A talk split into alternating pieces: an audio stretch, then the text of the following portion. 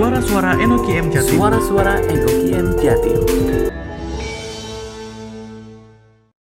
Halo, halo, welcome back di podcast Suara-suara Enoki M Jawa Timur bareng saya Marna Lasibuya dan juga teman saya bareng saya Alvan Ardi Wibawa. Eh, halo Bang Nala, gimana halo. kabarnya? Baik, kabarnya Van, gimana kabar? Alhamdulillah baik nih. Gimana WFA? Bosan nggak Bang? Itu dia. WFA WFA kita sudah mulai terbiasa dengan WFA ya. Jadi ya nggak bosan kita jalanin dan tetap produktif sih di rumah aja. Nah itu sih kuncinya. Tetap produktif ya. Malah jatuhnya kita bisa lebih banyak mengerjakan sesuatu dan malah jatuhnya overproduktif kita bang nah itu. Jadi kita sendiri dan teman-teman juga ya ada belajar skill-skill baru. Entah itu menjahit entah hmm, itu memasak gitu kan. Hmm, Iya banyak juga sih online course juga ya teman-teman yang ikut online course terus seminar online terus sharing session online itu banyak ya. juga tuh yang ikut. Eh betul ya Bang Lala. Iya. Gimana? Ada skill baru nggak nih? Nah skill baru apa ya? Belum ada. Masak kali ya. Masak. Kalau gua skill baru bang, makan bang. Makan. Sama kalau gitu. Jadi lebih sering bawa makannya. makan gak? Berarti masak sendiri bang kalau makan makan kadang masak sendiri. Tapi sekarang kadang kalau lagi nggak males lagi kosong ibaratnya agendanya lagi nggak banyak kadang gue bikin konten bang masak. Oh iya benar. Aku pernah nah, kadang kadang juga kalau emang kadang sekarang istri udah mulai masuk nih tiket jadinya kan nggak ada nggak ada yang bantuin kadang nggak ada nyiapin. Daripada ribet ya terpaksa kita delivery lah ya. Maksudnya delivery kan udah banyak tuh sekarang. Iya, kadang kita ya pesen aja lah online makanan di sekitar kita apa kita pesen aja biar nggak langsung makan yes benar banget cuman ini uh, kalau ngomongin tentang uh, delivery online itu pasti tentang makanan bisnis mm -hmm. pasti ada sedikit banyak akan terimpact ya ya PSBB oh, oh pasti pasti uh, dan Betul. yang sekarang ini new normal itu pasti ada perubahannya kita nggak bisa mengkiri bahwa nggak bisa uh, kembali seperti normal dulu sebelum pandemi gitu kan mm -hmm. nah, mm. gimana sih coba kita bisa nggak uh, ngobrol-ngobrol ini kita uh, undang seorang narasumber Nah, cocok banget tuh. Jadi nah. kan kita dari sisi pelanggan ngelihatnya. Gimana yeah. kalau kita bisa undang seseorang yang melihat dari sisi pelaku bisnisnya seperti apa? Gimana sih mereka menjalani dan tetap bertahan selama masa pandemi ini itu gimana, yes. Mas? Okay. Boleh, Mas? Eh, boleh, Bang. Kita undang aja langsung ya. Oke. Okay, ya, kita, kita welcome ya. dulu nih uh, narasumber kita, Mas Jo. Halo, Mas. Halo, Mas. Halo. Halo, halo, Mas. Ya, halo, Mas Nala, Mas Alvan. Ya. Apa kabar? Nah, baik. Alhamdulillah sehat, Mas Jo. Mas Jo ini selaku ini ya, direktur operasionalnya Ayola Eatery ya, Mas ya? Ya, betul. Oh, oke. Okay. Nah, saya co di co-founder di Ayola Group, uh -huh. juga uh -huh. sekaligus direktur operasional di untuk Ayola Eatery. Hmm, oke oke oke. Mas Joni memang hobinya di kuliner gitu atau gimana Mas? Makanya kok bisa terjun? Iya, ada hobi terkait kuliner gitu nggak ya? Enggak ya, kuliner itu apa ya e, kebutuhan ya karena dulu hmm. saya dari muda sudah ngekos ya anak kosan kan terbiasa makan di warung, makan di, di kaki lima di pinggiran kayak gitu jadi ya ya sudah kebutuhan kali gitu untuk makan. Hmm, jadi malah lahirnya tuh berangkat dari kebutuhan Mas Jo ya. Jadi iya, selama ini jalanin sebenarnya makanan tuh kebutuhan yang emang esensial jadinya lahirnya lahirlah Ayola ini gitu ya. Iya, bisa jadi starting pointnya dari situ gitu kan. Hmm. Tapi untuk starting ini si Ayola sendiri, Mas Jo sendiri atau ada beberapa co-founder lain yang ikut join juga, Mas? Ada tiga sih co-founder, terus ada dua hmm. investor. Jadi kita berlima total. Oh, berlima. Awal mula, uh, awal mula Ayola. Dulu Ayola itu tahun 2000, kita bikin 2008. Hmm. Dulunya kita di fashion industry ya, di distro kayak gitulah. Jadi clothing, bags, apparel gitu. Cuman bertahan dua tahun aja Hmm, oh. Cuman bertahun dua tahun sampai 2010. Kemudian di 2011 kita pivot bisnis ya ke kulineri. Kita. Hmm. Hmm. Menarik ya bang ya lah. Bang Alam malah iya. berangkatnya dari fashion industri ini ya Mas Ju ini. Iya betul. Tahunya bisnis kulinernya gitu kan ya. Ternyata iya tahunya bisnis betul betul. Clothing di industri gitu, di distro gitu. Mm -hmm. Wow. Yeah. Distro ya Nah, Ayola itu sendiri, Mas Jo, segmentasinya seperti apa, Mas? Apakah ada segmentasi tertentu yang ditarget untuk uh, Ayola? Uh, jadi Ayola itu sebetulnya dia tempat makan? Yang serba ada makanannya ya boleh dibilang mungkin kita bisa bilang pujasera ya misalnya jajan oh, serba ada food court ya uh, food court gitu jadi kita menyediakan pilihan berbagai macam pilihan makanan kuliner Nusantara tapi juga ada beberapa yang luar ada kombinasi ya Italian foodnya ada Japanese-nya sedikit gitu uh, dengan harga yang terjangkau gitu. jadi uh, siapa aja bisa masuk sih di Ayola itu ya memang dari awal kita pengennya itu kita pengen punya banyak pilihan makanan dan harganya yang cukup terjangkau gitu. Hmm, tapi memang tidak spesifik Mas Jo ya, maksudnya tidak spesifik tipe makanannya apa, terus habis itu menyasar segmen terutama anak muda atau gimana nggak ada ya? Hmm.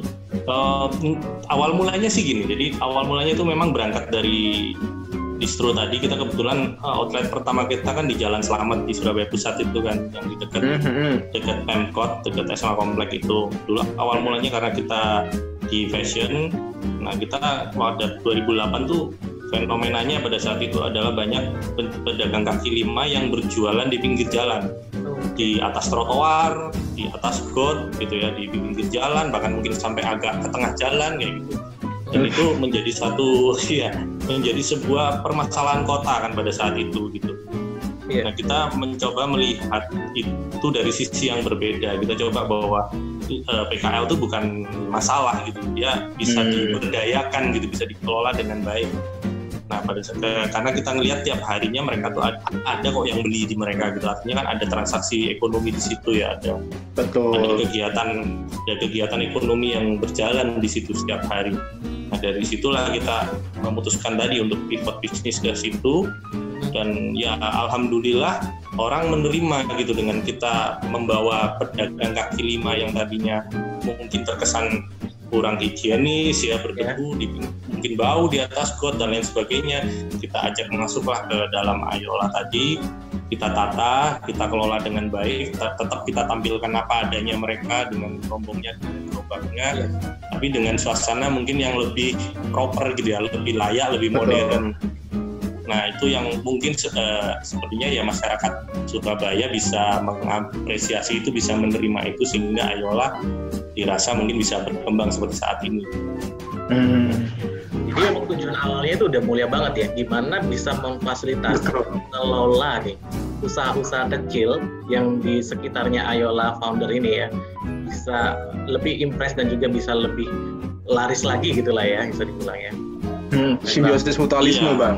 Iya, iya betul. Jadi iya betul. Jadi betul. mengemasnya jadi lebih pedagang kaki lima yang tadinya memang dia dari sisi mungkin kita kalau menyasar pedagang kaki lima ngejar rasanya kan, oh ini enak nih. Nah tapi ada hmm. beberapa segmen yang nggak masuk karena ngelihat pedagang kaki lima itu kurang eh, rapi, kurang ini. Benar.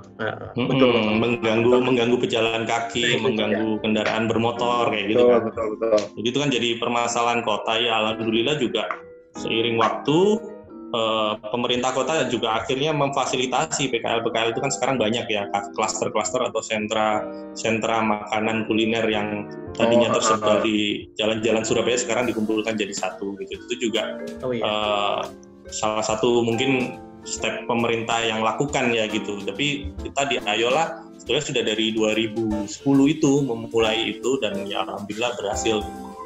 Hmm, jadi lebih menginspirasi ya Mas ya kayaknya jatuhnya Ayola yang menginspirasi pemerintah kota mendirikan sentra kuliner di beberapa titik di Surabaya Bang Nala ya. Bener banget. Jadi untuk uh, Ayola ini pertama itu didirikan atau dibangun itu di Surabaya gitu ya Mas Jo ya? Atau di mana dulu? Iya, di Surabaya pusat itu di dekat SMA kompleks itu ya di Oh, oh iya, pernah ke situ tuh Bang. Iya, di Jalan Yang Selamat itu. kopi kompleks tuh. Iya, betul. Nah, kalau Ayola yang tetangga saya ini Mas, kebetulan saya juga di belakang Ayola di rumahnya. ini cabang oh, iya. ini Mas. Di mana? Pondok Jati ya? Pondok Jati, Ayola. Oh, di Sidoarjo. Iya, itu cabang yang kedua kita. Oh, gitu. Jadi secara total ada berapa cabang nih, Mas? Secara total kalau Ayola kita udah ada tiga cabang, tiga unit ya. Yang pertama di Jalan Selamat Surabaya Pusat, kemudian yang kedua di hmm. Pondok Jati Sidoarjo, ya. terus kemudian yang ketiga itu dua tahun yang lalu kita bikin di Surabaya Barat, namanya Ayola Food Caravan, ada di oh, Graha Fairground. Iya, Food Caravan. Nah, jadi konsepnya food truck itu Mas ya? Iya, konsepnya pada saat itu kita mengadopsi, mengadopsi ya itu adaptasi dari uh, food truck yang lebih dulu uh, populer pada tahun itu gitu. Hmm. Oke mas, masuk ke materi yang sempat kita bahas di awal tadi ya mas. Pasti bisnis kuliner ini sedikit banyak terimpact oleh pandemi COVID-19 ini ya mas ya. Nah, uh, mm-hmm. bagaimana sih impactnya waktu selama PSBB kemarin mas untuk Ayola industri ini mas? Iya, cukup sangat berdampak ya. Artinya kita mengalami penurunan dari sisi penjualan karena uh, dengan pemberlakuan PSBB itu kan otomatis aktivitas orang dibatasi, dikurangi gitu kan, disarankan untuk bekerja dari rumah, kemudian tidak ber, tidak sering-sering keluar rumah atau berpergian melakukan aktivitas sosial, ekonomi ataupun budaya kayak gitu. Kan pembatasan-pembatasan itu otomatis jumlah kunjungan ke restoran, ke warung, depot itu semua pasti menurun drastis gitu. Dan dampaknya memang dari tiga unit itu kita terpaksa menutup satu unit yang di Surabaya Barat. Itu terpaksa kita tutup sejak awal. Mungkin sebelum sebelum PSBB diberlakukan malah kita dari awal April itu sudah menutup terlebih dulu gitu tempat hmm. tempat usaha kami yang di Surabaya Barat ya. Tapi yang di uh, Sidoarjo dengan yang di Surabaya Pusat itu tetap beroperasional mengikuti segala peraturan PSBB itu sih. Hmm, jadi tetap bertahan gitu tetap jalan mas ya maksudnya dari tiga iya, cabang dua tetap jalan nah iya. tetap iya. jalan ini prosedur apa aja sih mas yang dirubah saat masuk masa pandemi ini ya tetap jalan nih tapi apa aja sih prosedur hmm. yang dirubah dari Ayola sendiri ya pasti kita banyak karena dengan kondisi pandemi itu kita kan sebagai masyarakat ataupun pelaku usaha tentu harus responsif ya terhadap apa yang terjadi, kita harus lebih aware. Dari situ memang uh, ada kita terapkan SOP baru ya standar operating procedure baru uh, dalam mengelola usaha gitu. Salah satunya uh, dengan tadi ya kita bikin SOP yang lebih rapi soal rajin mencuci tangan, wajib memakai masker, kemudian yep. kita juga uh, dengan rutin itu sehari minimal itu dua kali melakukan penyemprotan disinfektan ke seluruh area. Kalau dulu kan kita cuma meja itu cukup dilap dengan air sabun, kemudian lantai disapu dan dipel gitu. Sekarang kita tambahi dengan penyemprotan disinfektan itu secara continuity uh, dan terus menerus. Itu dari awal kita komit lakukan sampai sekarang gitu. Jadi uh, ya salah satunya itu yang yang banyak berubah ya. Kemudian juga pada saat PSBB itu juga muncul larangan bagi restoran, tempat usaha makanan untuk menerima makan di tempat kan nggak boleh dine in. ya. Nah, itu juga away, itu ya? juga cukup berimpact. Iya hanya bisa take away, kita hanya melayani hmm. untuk bungkus dan juga mungkin pembelian dari ojek online kayak gitu itu cukup cukup uh, mem membuat situasi semakin sulit ya buat pengusaha tentunya gitu terutama kami sehingga uh, uh, ya kami harus uh, lipat semua kursi, menyingkirkan semua meja kayak gitu. Hmm. Apalagi masuk bulan puasa kan, terus masuk bulan puasa, jadi semakin uh, semakin berat tentu tantangannya. Hmm. Iya, biasanya pas puasa kita juga ada ini mas ya, orang kan rame buka bersama ya masuk dine in gitu kan. Iya betul. Kemarin Sekarang karena PSBB, hmm, karena PSBB itu ya PSBB tentu orang ya nggak bisa makan keluar dan juga nggak banyak yang tentu lebih concern kepada keselamatan dan kesehatan kan itu yang utama karena juga itu selalu yang kita tekankan ke karyawan yang ada di lingkungan kami. Uh, yang penting kesehatan dan keselamatan. Jadi uh, banyak hal kebiasaan baru ya kayak pengecekan suhu tubuh itu kan kebiasaan hmm. baru ya. Akhirnya dulu nggak pernah kita lakukan tapi sekarang harus kami lakukan melakukan pengecekan suhu tubuh karyawan apabila ada yang sakit itu kita langsung rumahkan seperti itu sih gitu. Oh iya, kalau ngomong-ngomong tentang rumah kan nih mas, ada nggak sih kayak beberapa karyawan yang terpaksa dirumahkan karena tadi yang ada satu cabang tutup gitu mas selama PSBB dan new normal ya. ini? Iya, itu uh, ada dari untuk yang otomatis operasional tutup kita ambil langkah yang memang cukup berat, yaitu memang kita uh, rum, rum, liburkan lah ya. Karena sekarang sih yang di Surabaya Barat sudah buka dan oh, karyawannya sudah kembali lagi uh, normal oh. seperti ya seperti semula sudah.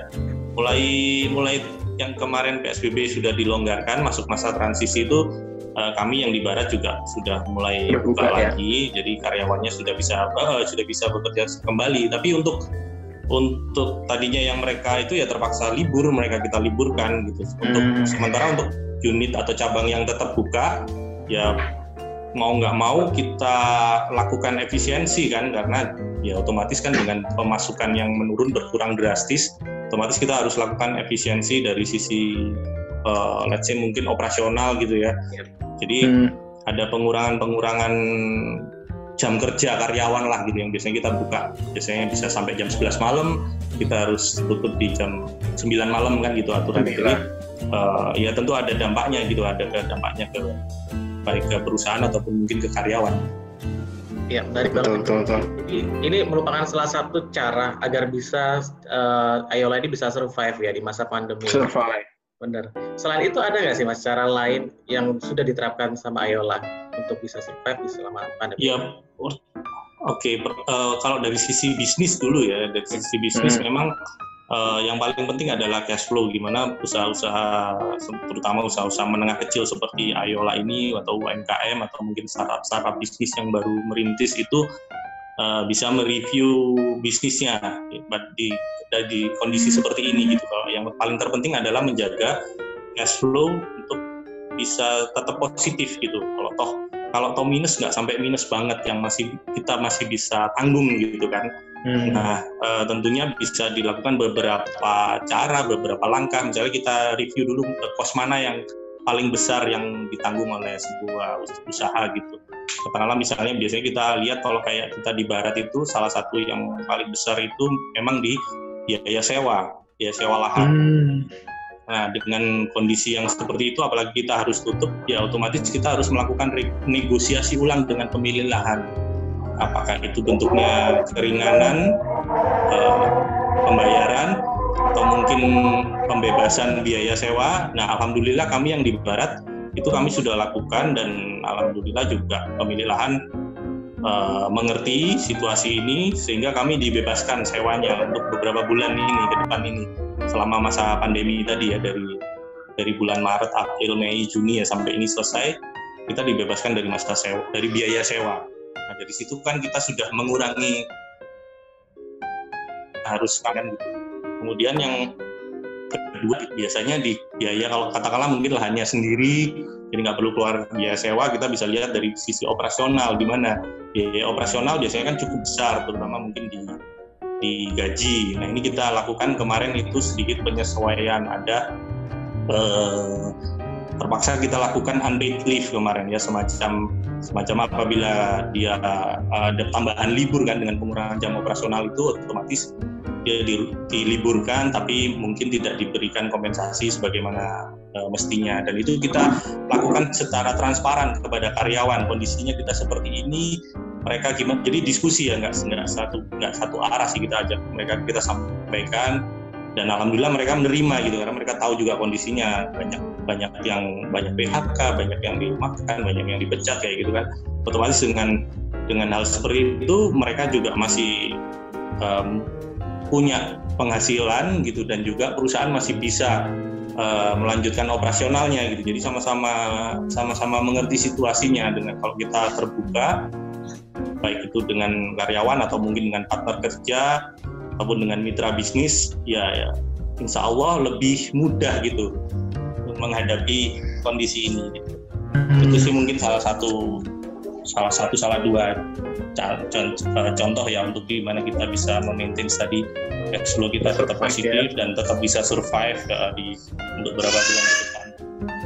Betul nih Mas Na, eh, Bang Nala. Jadi kemarin sempat ada juga saya ngedengar podcast dari ya pelaku sih dari Kobuser. Jadi di situ emang salah satu tips atau yang harus disarankan kepada pelaku usaha terkait bagaimana biar mereka ada win-win solution kan biasanya kita nggak mau terbuka jadinya ada dispute atau ada permasalahan. Padahal maksudnya adalah di sini kita sama-sama pihak yang dirugikan antara pelaku usaha dengan karyawannya tapi bagaimana agar mereka berdua kedua belah pihaknya ini agar tetap saling mengerti ya. Salah satu kuncinya adalah transparansi. Jadi bagaimana perusahaan terbuka dan apa adanya menyampaikan kondisi dan uh, menyampaikan maksudnya. Maksudnya ya saya melakukan hal ini agar perusahaan bisa survive tapi dengan uh, konsekuensinya seperti ini. Nah itu disampaikan secara terbuka, terbuka secara terbuka. Nah itu hasilnya juga lebih baik daripada menyembunyikan sesuatu. Iya, seperti itu. setuju jadi kan ya, tadi kan terkait bagaimana Ayola menjalani masa-masa melewati COVID ya, masa pandemi itu. Nah, sekarang sekarang ada fase baru nih, di mana fase tersebut yaitu new normal. Hmm. Nah, gimana PSBB sudah mulai dilonggarkan, prosedur-prosedur aktivitas juga udah mulai mulai diinisiat untuk tetap dijalankan alias dilanjutkan lagi berusaha dijalankan lagi seperti biasa. Nah, ini kan pasti tetap ada perubahan ya, maksudnya ada perbedaan antara kondisi normal yang sepertinya yang seperti biasa kita alami dan masa new normal ini. Nah, dari sisi Ayola sendiri ada strategi apa aja sih Mas yang disiapkan buat menghadapi new normal ini terkait dari sisi bisnisnya gitu? Uh, ya oke. Okay. Uh, eh, dari sisi bisnis tentu kita tidak bisa terlepas dengan peraturan yang mungkin dirilis oleh pemerintah. Kita harus perhatikan itu salah satunya adalah uh, untuk tempat usaha makanan restoran itu masih uh, dalam masa transisi ini yaitu hanya diperbolehkan memakai 50% dari kapasitas uh, sitting area atau kursi meja hmm. kursi yang ada gitu.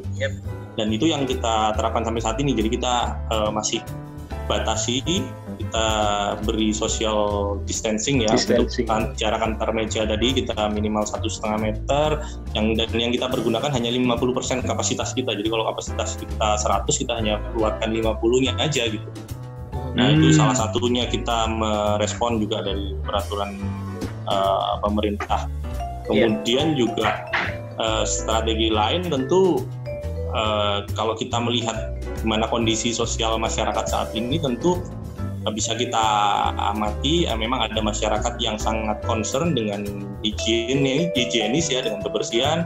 Ada masyarakat yang ya biasa sudah menerima kondisi ini gitu. Jadi ya berlaku normal aja gitu buat sebagian masyarakat. Nah ini yang uh, mungkin mesti sebagai pelaku usaha kita juga mesti bijak dalam arti tidak kita tidak sampai saat ini tidak melonggarkan apa yang sudah kita kerjakan selama masa, masa PSBB tadi soal hmm. wajib menggunakan masker, rajin mencuci tangan, menyediakan hand sanitizer di berbagai tempat di kasir juga di meja kayak gitu ya terus mengukur suhu tubuh ya. kayak gitu memakai face shield kayak kayak gitu hmm. penyemprotan disinfektan itu tetap kita lakukan gitu karena ya itu tadi ada masyarakat yang masih agak ragu-ragu kan gitu dan itu mm-hmm. harus kita sampaikan gitu bahwa kita sebagai pelaku usaha juga uh, concern dengan hal itu sehingga bisa meng, apa ya paling enggak sedikit mengurangi keraguan dari sebagian masyarakat tadi untuk um, mulai beraktivitas atau mungkin melakukan pembelian di tempat kayak gitu. Betul, tetap kita menyampaikan awareness juga ya, banyak kak, bahwa ya, kita selaku pelaku usaha meskipun kita buka, tapi tetap kita berusaha tetap menjalankan prosedur-prosedur yang ada dan menjaga agar tetap konsumen ini merasa lebih aman dan ya. dari sisi pegawai juga merasa terlindungi gitu ya mas ya. Iya betul, benar banget. Iya, uh, kalau kita lihat itu juga sempat kita lihat-lihat IG-nya Ayola nih mas. Ada beberapa juga hmm, materi promo ya mas ya di hmm. ini strategi strategi selama new normal ini seperti apa itu mas? Ya uh, kalau dari sisi promo ya kita memang lakukan beberapa hal yang menarik gitu. Salah satunya mungkin ada promo new normal bisa nebus murah. Jadi kalau beli makanan di Ayola setahun dengan belanja 50 ribu mungkin pembeli bisa membeli produk salah satu produk makanan uh, dari Many Penny Pancake cuman harga 10 ribu yang tadinya 25 ribu gitu jadi hmm. uh, kita iya kita berikan penghematan-penghematan lah untuk uh, pembeli ya gitu terus juga bisa menebus minuman jus apukat gitu yang biasanya mungkin 15.000 cukup bayar 5.000 aja gitu. dan alhamdulillah ya alhamdulillah cukup uh, direspon cukup baik oleh para baik, ya. pengen pembeli terus kita juga menyediakan uh, free masker untuk pembelian tujuh puluh lima ribu kemudian hmm. langsung dapat masker gratis dari Ayola paket bundling ya mas ya? Bundling. Setema juga kan? Kita kan sekarang lagi iya betul. butuh hand sanitizer ya kan uh, ada tuh tadi sempat ngeliat juga memang disediakan untuk minimal belanja sekian nominal sekian disediakan merchandise berupa tadi bisa bisa dapat masker bisa dapat yang tadi apa yeah. hand sanitizer terus ada tebus yeah, murah. Iya. yeah. Terus uh, saya juga sempat ngikutin mas saya ngikutin sih saya ngelihat juga ada campaign yang uh, kerjasama sama Prambors ya? Iya betul. Nah kalau uh, dari sisi kan sekarang masa PSBB kan lebih cenderung orang uh, jarak ya jaga jarak. Jadi media promosi yang konvensional ini lebih uh, dikurangi ya lebih berkurang. Nah mm-hmm. uh, selain uh, kerjasama dengan Prambors ini ada nggak sih kayak metode pemasaran atau promo secara digital yang lebih digalakkan oleh Ayola sendiri gitu program-program digital untuk kampanyenya itu?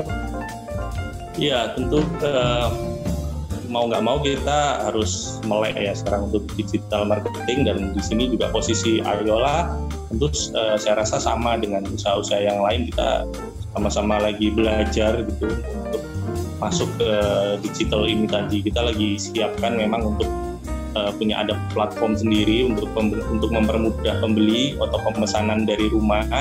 Itu kita lagi bikin uh, rencananya ada bikin semacam ya hosting baru gitu landing page lah gitu ya. Jadi orang hmm. tinggal kasih linknya orang tinggal klik klik klik terus kemudian makanan diantar dan itu pengantarannya dari kami sendiri gitu kalau hmm. selama ini kan kita untuk online masih mengandalkan ojol, ya, online ya, masih uh, masih, yeah. masih ojol dan di ojol itu kan dari sisi dari sisi harga memang lebih mahal karena kita ada kerjasama kan dengan yeah. pihak ojol ada komisi yang dipotong oh. dari situ yeah. sehingga harganya jadi sedikit lebih mahal daripada makan di tempat atau dine in langsung.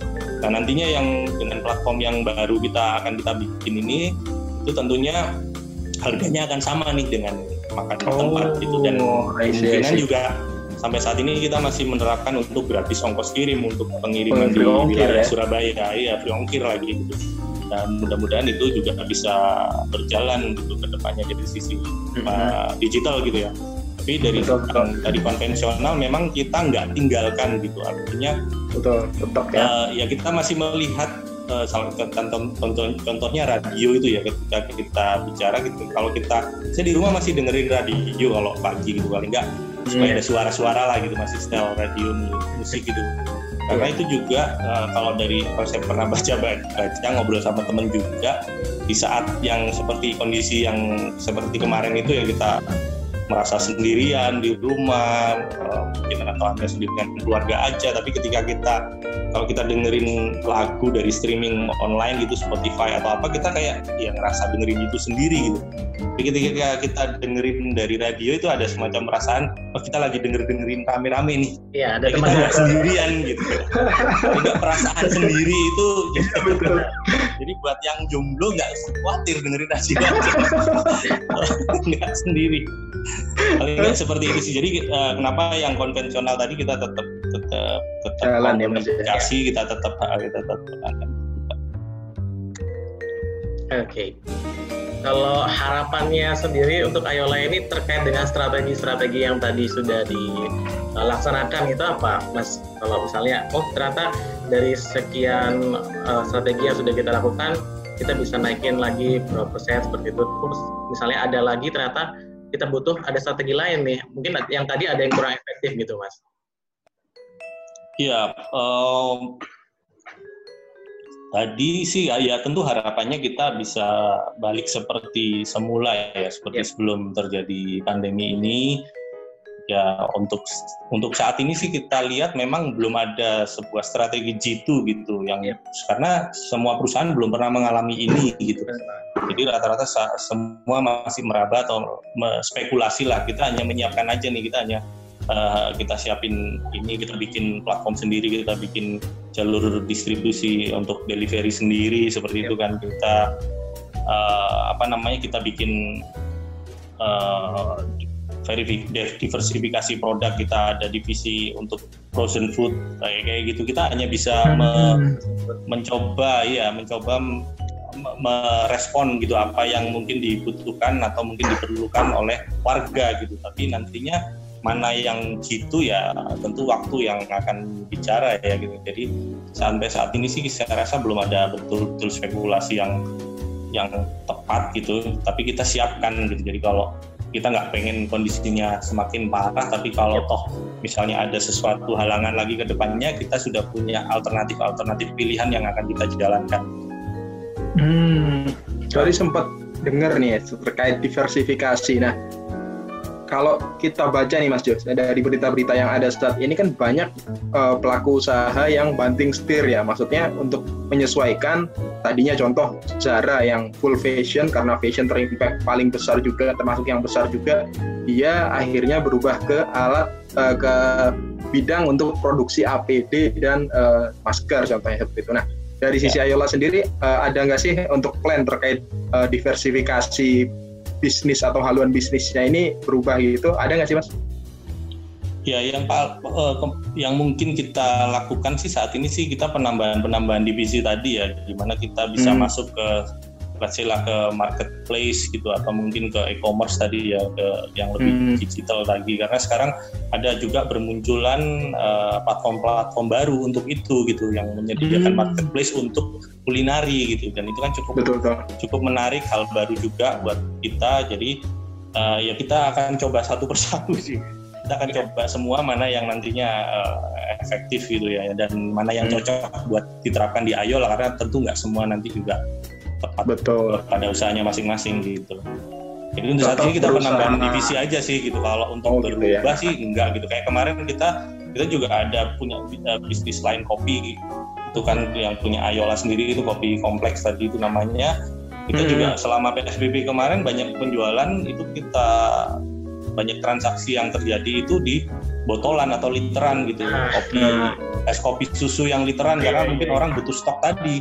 Nggak bisa nongkrong nggak bisa keluar. Tapi sekarang dengan sudah mulai dibuka akses ini orang sudah mulai bisa datang ke warung kopi ke coffee shop jualan itu juga seiring waktunya semakin menurun gitu transaksinya trafficnya semakin menurun gitu jadi kita kan ya kita harus respon lagi nanti apa yang eh, Betul, betul. akan dibutuhkan lagi ke depannya gitu. Oke. Jadi tetap stick ke kuliner mas ya, maksudnya tetap Ya masih tetap stick to kuliner cuman kita cari channel-channelnya aja yang baru gitu. betul memperbanyak channel yang sesuai dengan Iya. tren juga ya, sama demand yang Iya, lagi betul. tinggi di mana ya. Iya. Eh, Mhm. Ya, eh, Mas Jo, ada tips kah buat teman-teman atau pelaku-pelaku usaha kuliner yang sama-sama eh ini benar ya meng- meng- apa menghadapi suatu masa yang sulit gitu. Ada tips kah bisa biar survive juga gitu teman-teman yang melakukan usaha kuliner ini, Mas? Oke, eh, mungkin untuk yang usaha kuliner yang baru mulai sebetulnya ini sebagai satu peluang ya karena di kondisi saat ini kita startnya sama-sama nih kita ngadepin ngadepin Oh. problem yang sama gitu bukan problem yang beda-beda nih sama gitu. Jadi sebuah keuntungan sebetulnya buat usaha-usaha yang baru gitu. Nah untuk gimana bisa lebih survive tentu kita harus evaluasi ya apa yang ada di dapur kita seperti apa kondisinya gitu. Katakanlah mungkin dari sisi production gitu. Produknya produknya apa nih? Produk kita yang paling laku apa gitu? Yang kurang laku apa? Jadi kita bisa membedakan itu dan kita bisa fokus hanya kepada yang laku aja gitu. Untuk Oke. saat ini nah, jadi kan kita bisa melakukan efisiensi biaya produksi kan kita bisa mengurangi stok bahan logistik dan lain sebagainya gitu. Ya harapannya tadi gitu dengan kita fokus kepada produk-produk yang lebih uh, laku kita nggak kita banyak menghemat biaya karena kan kita belum tahu kondisinya ini akan bertahan berapa lama kan gitu. Jadi sebisa lama mungkin kita bertahan tentu ya itu semakin bagus buat usaha kita gitu. Karena kalau ya itu uh, kayak kasusnya mungkin salah satu unit kita terpaksa tutup ketika buka lagi itu juga butuh effort gitu hmm. karena butuh campaign lagi butuh promosi butuh effort lebih gitu dibanding hmm. unit yang lain kan gitu jadi ya harapannya sih mungkin teman-teman bisa bisa melihat tadi celah-celah peluang-peluang usaha juga yang bermunculan di saat kondisi ini tuntutan uh, katakanlah tadi kayak uh, frozen food juga sempat naik kan gitu karena orang cenderung lebih suka masak sendiri di rumah sekarang gitu mereka uh, lebih sering berbelanja bahan bahan makanan ya kayak gitu kita mesti bisa lihat celah sih apa yang bisa kita manfaatkan dari situ. Ya. Lebih ke analisis hmm. produknya tadi ya. Oke. Okay. Iya betul. Nah terkait tadi kan ada peluang juga Mas ya. Maksudnya dari sisi sudut pandang Mas Yo ternyata oh PSBB selain juga membawa apa ya, membawa dampak negatif juga ada beberapa dampak positif yang kalau emang kita bisa melihat secara jeli itu bisa jadi peluang Mas ya buat kita ya. ya. Nah, maksudnya ya, kalau sekarang kan kalau kita tetap ada gap nih antara pelaku usaha yang baru start mulai dengan yang sudah berpengalaman ya kan. Ya, Mas Jo kan memang udah dari 2010 Mas ya, udah mulai berubah ke itu yeah, ya. Yeah. Nah, Ayola yeah. kan udah step, udah berdiri sejak 2010 sampai sekarang. Nah, dari sisi Mas Jo, dari sisi pengalaman yang sudah didapat selama ini, peluang apa sih yang bisa kita benar-benar maksimalin untuk uh, meng apa ya, untuk menstart uh, usaha kita atau terutama di bidang kuliner nih biar bisa biar dia emang kita bisa melihat peluang dengan baik dan usaha kita fit masuk ke ceruk yang ada peluangnya itu gitu. Iya, eh, ini bu bukan hal yang bisa dengan cepat ya kita lakukan. Sekali lagi memang butuh kesabaran gitu di kondisi seperti ini. Ya kita mm -hmm. eh, coba buka tadi peluang-peluang yang mungkin dilakukan gitu. Misalnya yang tadinya mungkin berjualan di rumah aja bisa menjalin relasi dengan ojol istilah gitu untuk yep. meningkatkan penjualannya karena ya memang banyak selama PSBB kemarin memang banyak transaksi memang dari situ gitu transaksi Malah untuk banyak dari orang ya. datang makan di tempat itu sedikit sekali udah udah sedikit hmm. sekali kita biasanya yang makan di tempat kan banyak gitu sekarang kebalikannya gitu yang beli melewat lewat platform online itu lebih banyak. Dan ini yang mungkin dari teman-teman usaha bisa bisa ambil peluang. Mungkin udah ada yang mungkin ada, yang daftar atau mungkin ada yang belum ada yang join atau belum. Dan mungkin belum yang join pun mungkin belum memanfaatkan kan. Karena di situ juga sebetulnya uh, apa ya uh, peluangnya cukup besar gitu kalau kita bisa memanfaatkan tadi kan kita bisa memanfaatin uh, promo-promo juga di situ kayak gitu itu salah satu mungkin yang mudah bisa dilakukan oleh teman-teman usaha saat ini ya selain hmm. tadi kita bikin database sendiri ya kita bikin uh, bikin apa namanya portal sendiri atau platform sendiri platform. untuk menjual produk kita uh, atau mungkin bergabung dengan marketplace tadi yang baru-baru bermunculan ini gitu. Hmm. Saya pikir sih itu sebuah kesempatan uh, baru untuk masuk ke pasar yang lebih luas lagi kan gitu kalau kita bicara digital world ini kan sudah iya cakupannya akan semakin luas Betul. gitu kita bisa Betul sekali. ya nggak terbatas di kayak kayak kayak Ayola itu uh, karena kita produk makanan yang siap makan ya itu memang cakupannya nggak terlalu luas, luas gitu tapi ya kita lagi kita coba gitu supaya kita bisa menjangkau yang lebih luas lagi. Itu salah satu yang peluang yang kita lihat saat ini gitu. Hmm, hmm, hmm. terkait tadi juga sih benar dari kata Mas Jo kondisinya kan seperti ini. Kita belum pernah semua semua pihak belum pernah mengalami kondisi seperti ini Mas ya. Jadinya kita iya, jatuhnya sama-sama. Mulai dari awal nih kita raba-raba dari awal iya. Bagaimana ke depannya seperti apa kita nggak tahu karena tren ini belum pernah terjadi sebelumnya juga dan kita sama-sama menghadapi dan trade bareng jadi peluangnya hmm. jadi bisa dikatakan peluang semua pihak uh, pelaku usaha bisa dikatakan sama mas ya gitu. sama iya iya ya benar banget jadi Van uh, highlight kita obrolan kita dengan Mas Jo ini ya dari awal ya. hmm. ya memang selama pandemi ini bisnis kuliner itu terdampak ya, apa kena impact gitu. Betul. Pandemi ini. Betul. Cuman gimana lagi? Yang pertama memang harus ikuti anjuran pemerintah, yaitu mengutamakan kesehatan, gitu kan. Yang kedua, tetap bagaimana kita bisa menganalisis keuangan kita, laporan keuangan kita, bagaimana oh yang operasional sisi ini bisa kita kurangin seperti itu. Jadi kita harus jeli dan lebih melihat uh, ya bang ya. Iya, lebih melihat lagi laporan keuangan seperti itu, seperti apa. Yang ketiga itu tadi kan uh, terus analisis produk juga. Produk mana sih yang sekarang lagi dicari sama pembeli? Naik ya. Iya, lagi naik-naiknya apa? Hmm. Kemudian mana yang kurang? Jadi yang naik ini bisa di boosting lagi seperti itu sih. Kemudian lebih fokus kepada yang lebih dibutuhkan, bang ya.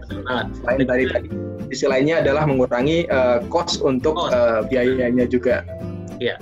Dan yang terakhir itu tadi adalah gimana kita bisa memanfaatkan platform-platform digital dan layanan-layanan digital untuk dan dan, dan saya lihat tadi ya uh, seperti kayak uh, inovasi ya membuat membuat platform digital sendiri gitu untuk order online kemudian untuk delivery online sendiri nah itu kita lihat dari yang apa uh, Mas Jody Ayola ini seperti itu gitu.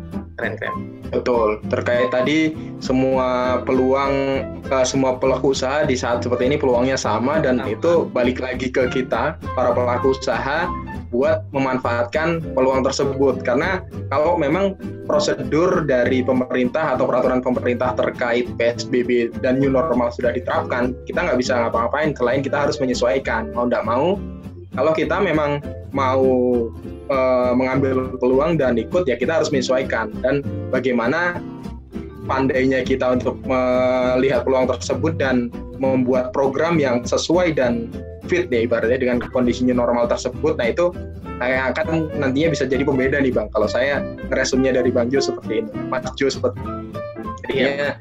Kalau kita semakin bisa menyesuaikan dan produk yang kita tawarkan untuk kondisi market yang baru lebih menarik dan jauh lebih menarik itu yang akan membedakan sukses tidaknya uh, bisnis terutama di kuliner ya ke depannya seperti itu. Ya intinya sih harus berani juga mengeksplor ya gimana betul. ya betul ya. betul jangan takut minus tapi juga kita harus dari kegagalan-kegagalan itu kita bisa belajar biar minusnya nggak minus betul. banget gitu itu sih yang kita betul. lihat keren, keren. ya memang kan kalau dari itu pasti Mas Jo juga menjalani membesarkan Ayola dari awal sampai sekarang juga nggak selamanya mulus-mulus aja kan pasti ada saat di mana uh, memang oh mungkin ada suatu produk yang kurang optimal jadinya diganti atau disesuaikan dengan kebutuhan yang memang lagi naik di masyarakat seperti apa seperti itu. Betul. Oke, okay. mantap. ya, alhamdulillah. Pikir saya sini, Mas Jo sama Alman. Iya. siap, siap, Iya, Mas Jo. Uh, kita dari sisi orang awam ya ibaratnya melihatnya kita oh kita jadi ada beberapa ya ibaratnya yang tadinya kita lihat seperti ini oh ternyata enggak juga loh dari sisi pelaku usaha ternyata kayak gini gitu. Dan memang banyak sih insightnya yang kita dapatkan dari apalagi dari pakarnya langsung atau pelaku usahanya langsung nah, daripada kita melihat dari sisi kita kan perspektif kita kan mungkin beda mas ya terkait itu. Iya. Kita juga berterima kasih banyak kepada Mas Jo sudah bersedia hadir dan Mas memberikan insight pada uh, sesi kali ini. Ya. Nah, kita harapannya dari sesi-sesi seperti ya.